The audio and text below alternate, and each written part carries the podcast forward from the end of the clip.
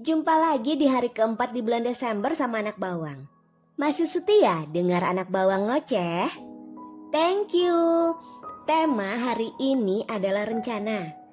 Nah, apa nih kira-kira rencana buat weekend teman-teman? Ngomong-ngomong soal rencana, yang namanya rencana pasti banyak, tapi yang paling penting itu yang kudu dirancang dulu. Kayak gue yang punya rencana buat podcast. Gak kelar, bingung jadinya. Cuman sekedar buat dua episode Gak tahu mau diterusin gimana.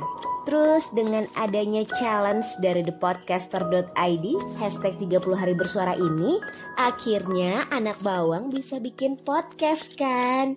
Nih yang teman-teman dengerin. Semoga seneng dan bermanfaat Rencana itu jangan buru-buru, lihat keadaan, lihat situasi.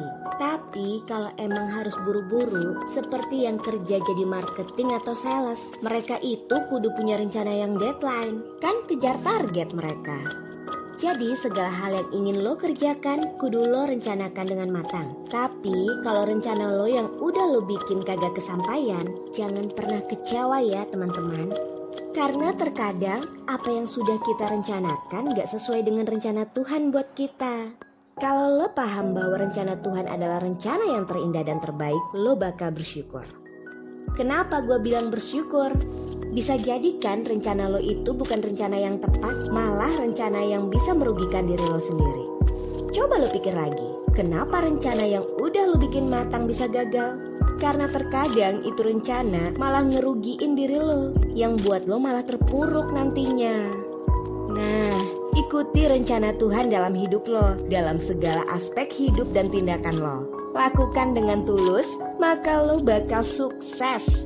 Percaya deh sama gue Bukannya anak bawang sok religius Enggak, tanpa Tuhan kita nggak bisa apa-apa itu kenapa anak bawang selalu ngingetin apa pun dari awal podcast ini itu semuanya rencana Tuhan bukan rencananya anak bawang dong.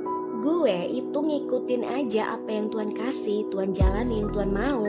Nah, tanpa kehendaknya Tuhan, ini podcast nggak akan terjadi. Itu sudah teman-teman. Apa yang anak bawang omongin itu udah anak bawang lewatin sendiri.